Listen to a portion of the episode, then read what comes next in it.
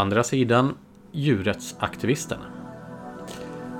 Då var det dags för ännu ett avsnitt av Andra sidan podd. Podden där vi låter den andra sidan få komma till tals. Ja, vi äter djur. Vi använder djur till våra kläder och vi testar nya läkemedel på djur. I det här avsnittet låter vi den andra sidan få komma till tals. Och vem kan representera djuren bättre än en djurrättsaktivist? Martin, han är inte bara vegan. Han delar inte bara ut flygblad. Han gör även aktioner för att frita djuren. Inte mindre än fem gånger har han suttit i fängelse för sin aktivism. Innan vi lyssnar på intervjun, besök vår hemsida andrasidanpodd.com. Där hittar du förutom poddarna även intervjuer i textform och länkar till oss i sociala medier. Men nu önskar vi er en trevlig lyssning. Dags för intervju. Och då säger vi hej till Martin. Ja, hej. Vi sitter här i kollektivet Gandhi på besök hos Martin som är engagerad då i en grupp som kallar sig för Tomma burar. Stämmer det. Jag tänkte börja med att köra en lite så här bekännelse för dig som du kanske blir provocerad av. Jag vet inte, Okej. vi får se. Ja. Men eh, det första jag tänkte berätta i alla fall det är att jag är en djurätare. Mm. Eh, Så att jag kommer ifrån något helt annat än, än vad du kommer ifrån. Min första tanke med den här intervjun är också att jag ska ta med mig någonting hem av det du säger som jag ska liksom tänka till kring lite. Vad är det första du skulle vilja säga till en djurätare som, som mig då? Det är inget konstigt, de flesta är är djurätare. Det är inte så många, det är intressant att du använder ordet djurätare. Det är inte så många Ja. som gör det. Det är Nej. nog första gången jag hört det från en djurätare. är det så? Ja. För annars är du köttätare. Köttätare, ja. För jag tror det, för mig var det ju, alltså jag har ju också varit en djurätare Ja. under stor del av mitt liv. Så det är inget konstigt för mig heller. Just det. Och jag försöker liksom komma ihåg hur det var också. Och, och att jag hade en blind fläck i mitt liv. Jag hade inte sett det som djuren utsattes för. För det är viktigt, för- när man blir vegan eller aktiv kring djuret så glömmer man lätt en bit. Man kanske inte vill sig heller för att det är kanske jobbigt. Jag var ju en del av våldet och förtrycket. Jag tror det är jätteviktigt att vi kommer ihåg det. ja. Och att vi inte var jätteannorlunda. Det är bara det att vi, vi inte hade sett en, en eh, del av verkligheten som vi idag väldigt tydligt ser och även känner då. Så det är det jag försöker tänka på när jag träffar Just det. Ja. ja, jag är väl inte den första djurätaren du träffar då. Nej, Men, men eh, vad, vad var det som fick just dig då att eh, du har då själv varit djurätare sedan tidigare och någonstans där så tog du steget och sluta med det. Mm. Och tänka efter. Vad, vad var det som hände i ditt liv eller vad var det som fick dig liksom att tänka till där kring de, de här frågorna? Ja, det är en väldigt speciell upplevelse som jag hade. Det var att jag var inne på Lunds stadsbibliotek där jag pluggade Mm. under min studenttid. Eh, och då gick jag in eh, och hittade boken eh, eh, Djurens frigörelse av Peter Singer, en känd eh, australiensisk filosof. Och jag började bläddra i den eh, eh, och tyckte att det verkade jätteintressant. Men jag ställde faktiskt tillbaks eh, boken. Eh, och eh, kan man fråga sig varför, varför jag gjorde det? För att jag brukar låna de böcker som jag tycker verkar intressanta. Men grejen var att jag bodde hemma hos mina köttätande föräldrar då, och djurätande. Mm. Eh, och jag tänkte, oj, det här blir besvärligt om jag blir vegetarian. För jag tänkte det att om jag läser det här, jag kommer säkerligen bli övertygad. Och då kommer det. det bli jobbigt, för då kanske jag måste laga min egen mat. Ja, ja, det vill man ju inte som liten. Nej, då var det... Grabb Lite, jag var ju ändå 20 plus någonting, men Okej. ändå. Jag var, Ja. Det var min bekvämlighet, så tror jag många tänker. Men sen när jag flyttade hemifrån då, efter ett tag, eh, in till KDA i Lund, så tänkte jag, jag måste ändå äta, eller laga min egen mat då. Just det. Så då kan jag väl eh, läsa boken. Ja, Och det gjorde jag. Och mycket riktigt så blev jag så vegetarian. det var den boken som, som var Ja. där det började. Eller där du fick upp dina ögon. Men eh, det som är intressant också är att, eh, jag menar där kritiseras allt djurutnyttjande. Inte bara djuren äter, äter av liksom kropparna utan även kött och mjölk såklart. Mm, mm. Men jag fortsatte att dricka mjölk och äta ägg. Så du var Eh, vegetarian från början? Ja, Så. Ja. och det tror jag ju. Och det är ju jättevanligt tror jag också för många att man vill inte vara för extrem. Liksom, jag tror aldrig jag hade träffat en vegan på den tiden. Nej. Det var eh, för långt liksom att gå. Men vegetarian, det var liksom Det var mer okej någonstans. tillräckligt radikalt på den tiden. Men då var du ändå 20 plus någonstans så det var ganska i, i vuxen ålder i alla fall som du, du fick upp ögonen kring det här. Då. Och sen ytterligare några år så, så blev jag ju vegan. Men det tog en sju, åtta år tror jag. Sju, åtta år. Ja. Och sen stannade du inte där utan du gick ännu ett steg längre då. Nej, precis. För en sak är ju att säga att nej, jag vill inte ta del av förtrycket och dödandet av djur. Mm. Ehm, Det är ju ett viktigt steg. Men när man upptäcker hur allvarligt det är, då är det nog många som känner också men jag vill försöka aktivt göra någonting åt det. Mm. Jag ska inte bara passivt stå bredvid och se när andra utövar och är en del av, av våld och förtryck. Och eh, ja, sen blev det mer och mer och nu är jag heltidsaktivist. För mig då som djurätare, vi kanske inte tänker så mycket på det här våldet och förtrycket som du säger där då. Eh, Fanns det något konkret exempel just i den här boken eller någonting som du tog del av som var något så här specifikt liksom våld, förtryck som, som liksom fick dig att haja till lite extra eller? Ja, bra fråga. Alltså jag tror jag tog, tog in det här att vi... eh, Ja, det massiva, att det är så många djur. Att det liksom var helt förbluffande för Mm. mig. Omfattningen av det. Men sen också eh, vad vi gör. För man tänker, ja men de har det väl bra. Men de har ju inte det bra. Vi låser in dem ju. Till exempel, ta grisarna i Sverige. Låser in dem. De får aldrig gå ut, förutom de ekologiska som är 1%. Så det är 99% av alla grisar i Sverige. De får aldrig få se solskenet. Tänk dig det om vi skulle göra det med bara en hund och får inte prata med en människa. Håll dem inlåsta och då, he, hela livet. Eh, Jag menar, så illa behandlar vi ju inte den värsta kriminella i Sverige. De får gå ut enligt lag en timme om dagen om man sitter i fängelse. Det är minimum. Men vi gör mycket, mycket mot en helt oskyldig eh, En ren industri för att... så, så det fick jag upp ögonen för hur, hur hemskt det är och att, ingen, Mm. att vi inte tänkte på det. Eh, Förutom alla andra grejer, att de, om vi återigen tar grisarna, eh, att de får leva på betonggolv när de har ett jättestort behov av att böka. Det ser man väldigt tydligt när en, en gris släpps ut på jordplätt. Då är det direkt ner och böka. Det är ett sånt jättestarkt naturligt behov. Ja, Och så får de betonggolv.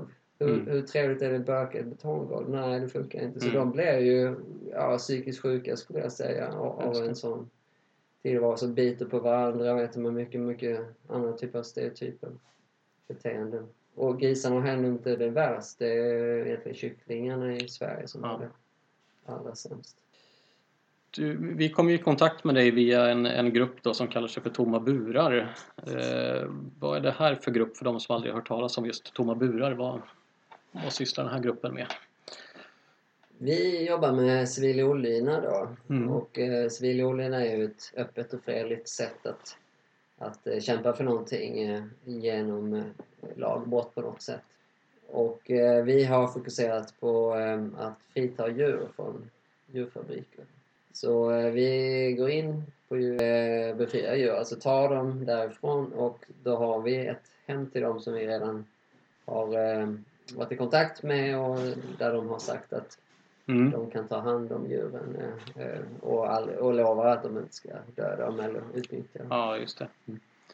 Hur går det till när ni liksom bestämmer er för en sån här fritagning? Alltså hur, hur rekar ni eller hur, hur kommer ni fram till vilka djur ni ska frita och var ni ska frita och sådär? Jag antar att det är en ganska lång process liksom. Jo, Det är ingenting man bara gör spontant en, en dag eller en natt utan Nej. det finns väl lite planering bakom där. jo, det är flera månaders planering. Först tänker man vilken typ av djur vill man frita. Mm. Och sen så eh, söker man på nätet eh, efter det djurslaget och gårdar och ja. Ja, Till okej. exempel om det, är, om det är hönor så tittar man på äggproducenter. Och, Mm. Och eh, då kan man hitta, hittar man några olika på Niro till exempel och Ja, kolla hur de ligger och så har de olika byggnaderna. Titta på olika karttjänster hur det ser ut och, Ja, och så precis. vidare. Och sen också hur långt är det till det här hemmet man då har hittat. Ja, man då har hittat. Så att inte transporten blir alltför lång. Själva den här fritagningen då, alltså vad, hur går det till? Jag antar att det är nattetid när fabriken som du kallar det för, eller bondgården är liksom stängd och obemannad så smyger ni er in. Ja. Precis. Och eh, det är ju dels för att vi vill gärna inte ha en konfrontation för det kan bli obehagligt. Eh, Mm. Vi är ju helt fredliga men vi vet ju inte, de kanske är rädda och sådär och vi vill inte att det ska bli aggressivt från Mm. deras sida. Eh, Eller då ja, att de ska bli onödigt rädda för, för, för oss. Så därför är vi på nattetid eh, och eh, tar oss in. Ofta är det olåst. Ja, mm, men inte alltid. Eh, ja, och sen är det, har vi några kartonger med oss och så stoppar vi ner djuren eller någon liten transportbur ibland. Och sen så kör vi dem. Och eh, vi dokumenterar också, vi, det är en viktig del att vi dokumenterar förhållanden för djuren så att eh, fler mm. kan se hur de har det. Det var väl en sån sak jag varit lite förvånad över just hur ni dokumenterar för ni är öppna, ni visar era ansikten och så vidare på filmer på Youtube och, och ni har era namn ganska öppet och sådär. Det är ganska lätt att komma i kontakt med er och få veta vilka ni är bakom. Eh, är det en medveten strategi liksom att ni vill vara öppna och stå för det, det ni gör? Det är en viktig del i civil olydnad med öppenheten. Mm. Att vi tar ansvar för våra handlingar och vi är villiga också att ta eventuella straff eh, för det vi gör. Så att eh, vi lämnar ett brev alltid på gården där vi är. Där vi skriver varför vi gör det. Och det är för att också förklara förbunden så att inte mm. man har några konstiga idéer om att vi skulle liksom, vilja dem någonting ont eller att vi ska sabotera. Alltså, att det är det som är poängen, att sabotera för dem. Mm. Vi vill ju förklara att vi... Det är en motståndshandling mot det våldet och förtrycket som djur generellt Ja, det är en motståndshandling mot det som eh, sker mot, mot djuren och det är inte mot dem specifikt heller, de enskilda bönderna. Vi vill inte hänga ut någon särskild gård eller så heller. Ja, och att vi, vi lovar också att inte komma tillbaka om vi inte blir specifikt inbjudna så, så att de inte ska vara oroliga. Ja, ja, ja. Och så lämnar vi alltid lite kakor också till dem för att, som en okay. vänlig gest. Att, ja. Det är tanken att vi är icke-våldsliga, att vi så i bästa fall att det framgår eh, att vi inte är hotfulla eller liknande. Och det är ju sällan man ger någonting gott till någon som Nej. man vill något Nej, Precis. Att, ja. Hur kom det sig just det här då? För det, det är ändå olagligt det ni gör liksom. Det, det är ju ändå strider mot, mot lagen. Varför ville du just göra den här typen av aktioner som ändå är då olagliga mot att sprida flygblad på stan eller sätta upp klistermärken eller skriva någon tidning eller podda eller, eller vad som helst. Vad, vad fick liksom dig att vilja göra just den här, den här typen av aktioner? Jag gör många olika aktiviteter för djuren och de mm. flesta är helt lagliga. Ja. och har ju gjort det under lång tid. Jag började med att hålla föredrag ute i, ja, i skolor, för föreningar och liknande kring vårt förhållande till djur och varför vi ser på hundar och katter på ett sätt och kor och grisar på ett annat sätt. Och det, det tycker jag fortfarande är väldigt meningsfullt, att göra den typen av informationsarbete. Ja. Och det gör jag fortfarande och jobbar med video och, och debattartiklar och annat. Så det är jag inte främmande för på något sätt. Men jag har, jag har varit aktiv inom fredsrörelsen tidigare. Mm. Också på många olika sätt. Men där eh, använder jag mig också av civil olydnad eh, genom eh, så kallade avrustningsaktioner där vi gick in på vapenfabriker och, ja. och avrustade vapen. Alltså bankade och filade på vapen. Det var en av de som var inne hos JAS där och hälsade på eller? Ja, bland annat precis i Linköping. Ja, i Linköping. Just det. Så jag hade ju den erfarenheten och det var en positiv erfarenhet att jobba också det här öppet. Precis som med djurfabrikerna så ringde vi polisen eh, när vi hade gjort våra aktioner. Mm. Och kom till rättegången och vi blev kallade till en sådan och tog mm. ett straff. Och jag tyckte, jag tycker om den metoden och naturligtvis hade jag inspirerats i, eh, av andra som mm. kända exempel som Martin Luther King och Gandhi som använde väldigt liknande metod fast inom sitt område. Såklart. Ja, just det. Just det. Eh, med det här att öppet och icke-våldsligt utmana lagen eller eh, de politiska beslut och genom, genom olika typer av lagbrott. Och det här med våld, det har aldrig varit ens ett alternativ för dig? Du vill liksom inte eh, på något sätt markera så starkt utan det är ändå där gränsen går. Att det ska vara, du kan bryta mot lag men det får vara helt då utan, utan våld. Nej, jag har faktiskt aldrig ens attraherats av den tanken. Nej. Jag, tvärtom känner jag väldigt obehag av att använda våld. Ja. Det går ju emot också för att vi som håller på med djuret, vi vill ju stoppa våld eh, mot ja. djuren. Om vi då själva skulle använda våld, eh, för mig krockar det fullständigt. Just det. Eh, så det ingår i själva ja, vad jag, jag vill åstadkomma också. Just det, just det. Och det är oerhört viktigt. Men jag tror sen också att det är mer effektivt att använda icke-våld. Det, det ja. kommer att, att um, göra så att den dagen kommer snabbare där djuren inte utnyttjas och dödas.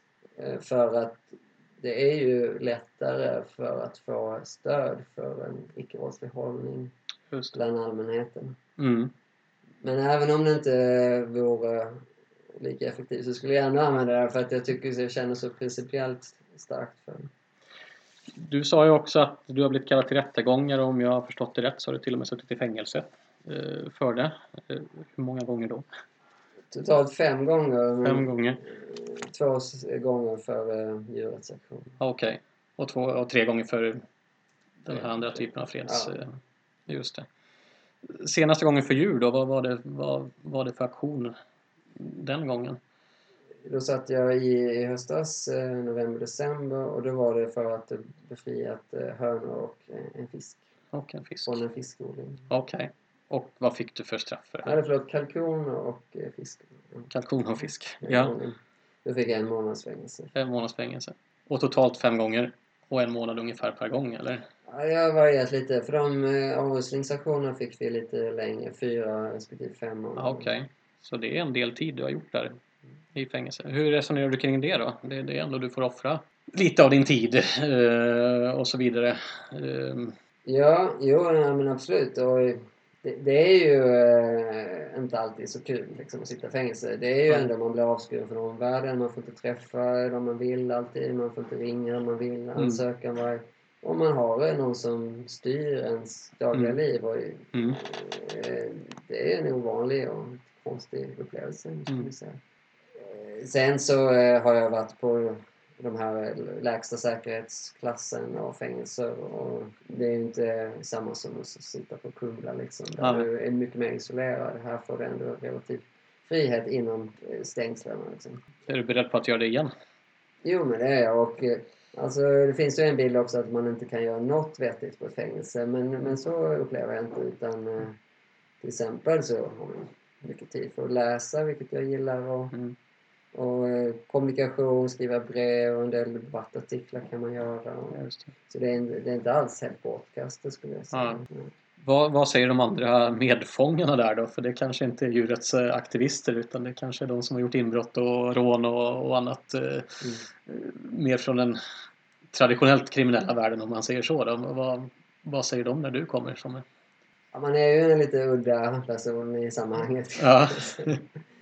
Eh, Men det är väldigt olika såklart. Må- Många är förvånade. Det är, en, det är ju en ganska ovanlig sak. Och när det gäller just frågan så har det också varierat. Men, men de flesta är ju köttätare såklart som, Mm. som det är vanliga samhället. mm. eh, som inte riktigt kan förstå. Men jag har haft många bra djurrättsliga samtal med. Får du lyckas övertyga någon, någon fånge någon gång. Ja, eh, kanske i alla fall. Alltså, Ja. Det märktes på vissa att de blev ändå mer öppna för tanken. Ja, just det. Eh, Det vet jag. För Till exempel nu en månad det är ganska begränsad tid. Man lär inte känna dem så mycket. Nej, precis. Eh, Och vissa är lite så avvaktande och delar med sig också i början. Vad, jag blir bara lite så nyfiken också, eh, liksom var gränsen går till vad man tycker är liksom elakt mot djur och inte. Hu- Husdjur, hur ser du på en sån sak till exempel? Är husdjur okej eller är det... Det är en bra fråga. Man kan konstatera att eh, på många sätt är det ju inte lika illa som i djurfabriker. Mm. Till exempel får de ju ja, bättre levnadsförhållanden på många sätt. Och de ses ju ofta som en familjemedlem. Och det är ju mer det förhållande jag vill ha, liksom, där man ses som en individ Mm. istället för en produkt. Och det tror jag är, är väldigt avgörande. Sen finns det stora problem med hur, för det är också en industri att avla fram husdjur. Och till exempel om, om du har en, ja, en, en, en fabrik för, för hundar till Mm. exempel. Jag har hört att ofta är det hemska förhållanden Mm. i de uppfödningarna som finns. Och sen så, alltså lagstiftningsmässigt så har ju inte de särskilt stort skydd. Du kan ju sätta ut en katt eh, som du inte vill ha längre. Och bara, eh, den klarar sig kanske inte så himla bra. Nej. Och man har möjlighet, ja men vem som helst kan avliva dem när man vill, eh, om jag fattat det rätt. Ja. Så de har ju inget skydd. Det, det är ju, liksom, för det är ändå en ägare till det här husdjuret som har total makt över det. Och, och det tycker jag är fel. Det ska vara lite mer som att eh, ett barn till exempel har ju en förälder, men föräldern har ju inte fullständig makt över det barnet. Du kan inte göra vad du vill. Ja. Och på liknande sätt borde det ju vara med alla djur egentligen. De borde ha vissa Ja. basala rättigheter. Vi ska, om man nu har eh, ett djur så borde man tillgodose alla dess behov. Och det är det ni tänker på när ni gör de här aktionerna också, att djuren ska få ett hem där de får leva så nära naturligt som möjligt i alla fall. Ja, Eh. Så. Om du fick så här fem meningar eller liksom en minut. Varför borde en människa som jag då sluta äta kött?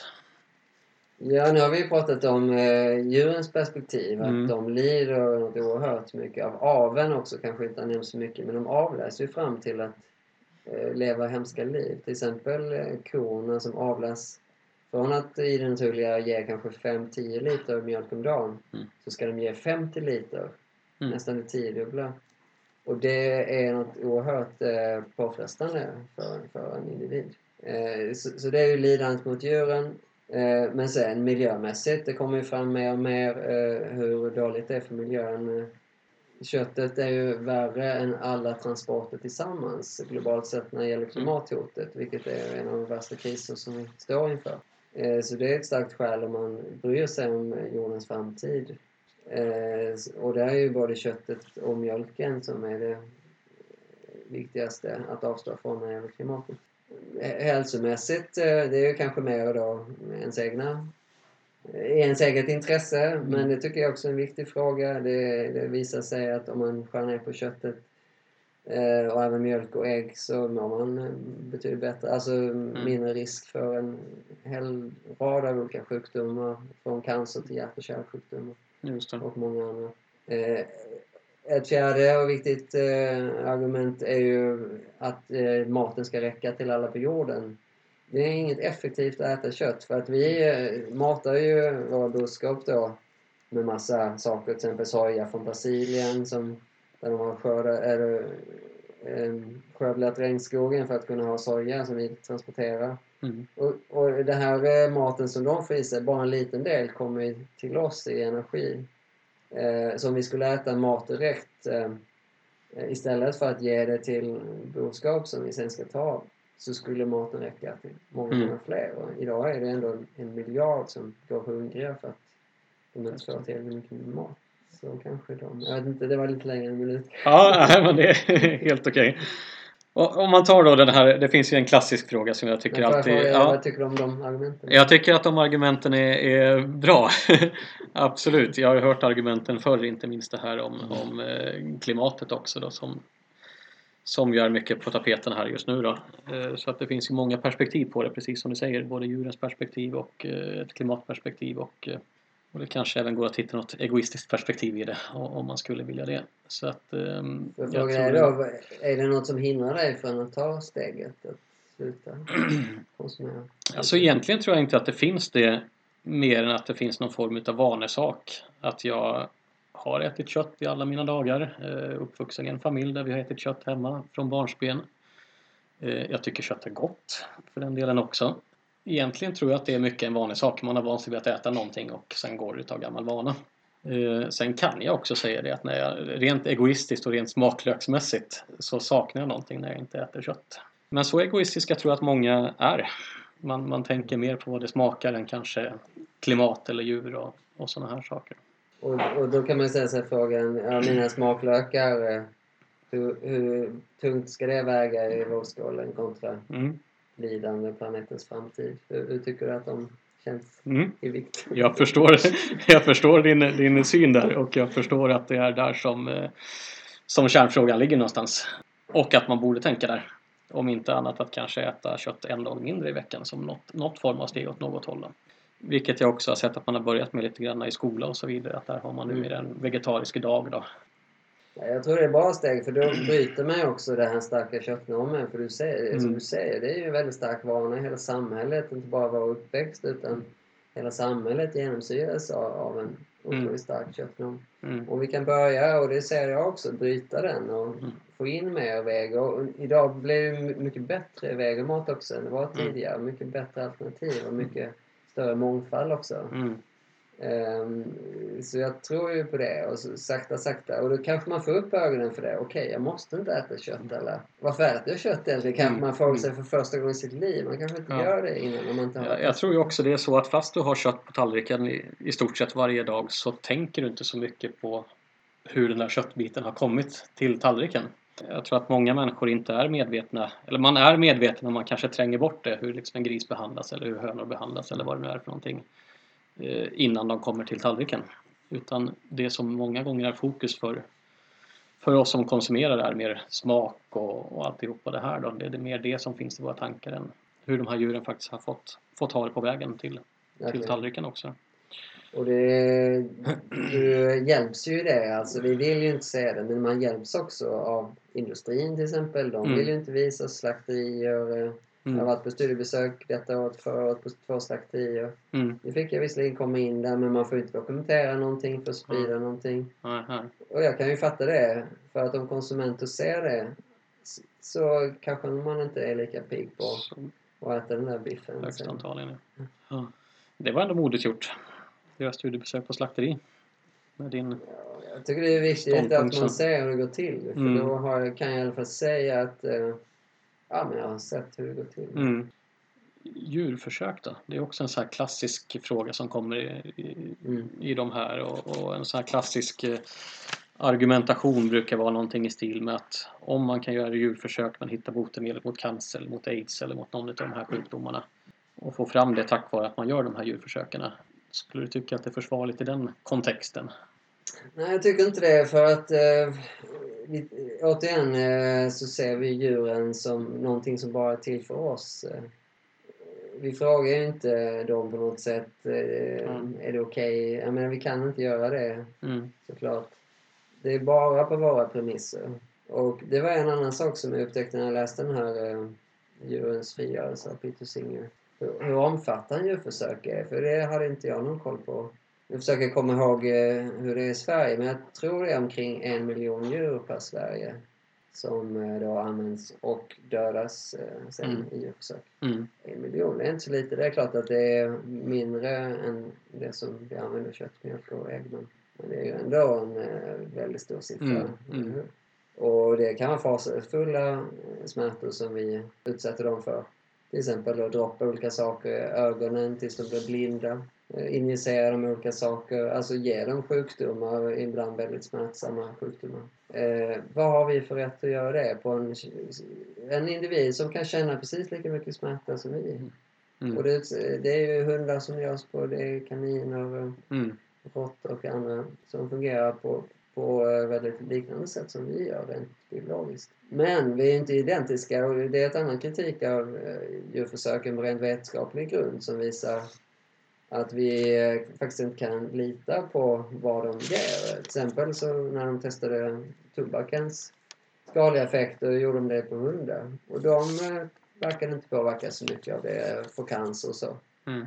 Men sen har vi testat det på människor och vi vet ju idag att det har en väldigt negativ påverkan på kroppen i form av cancer. Men det, det fick man inte ut av djurförsöken och då luras man kanske till tror jag, men det ingen fara här. Ja, just det. Då ger det ju motsatt effekt, det ger falska resultat. Mm. Mm. Så det är ett annat argument. Mm.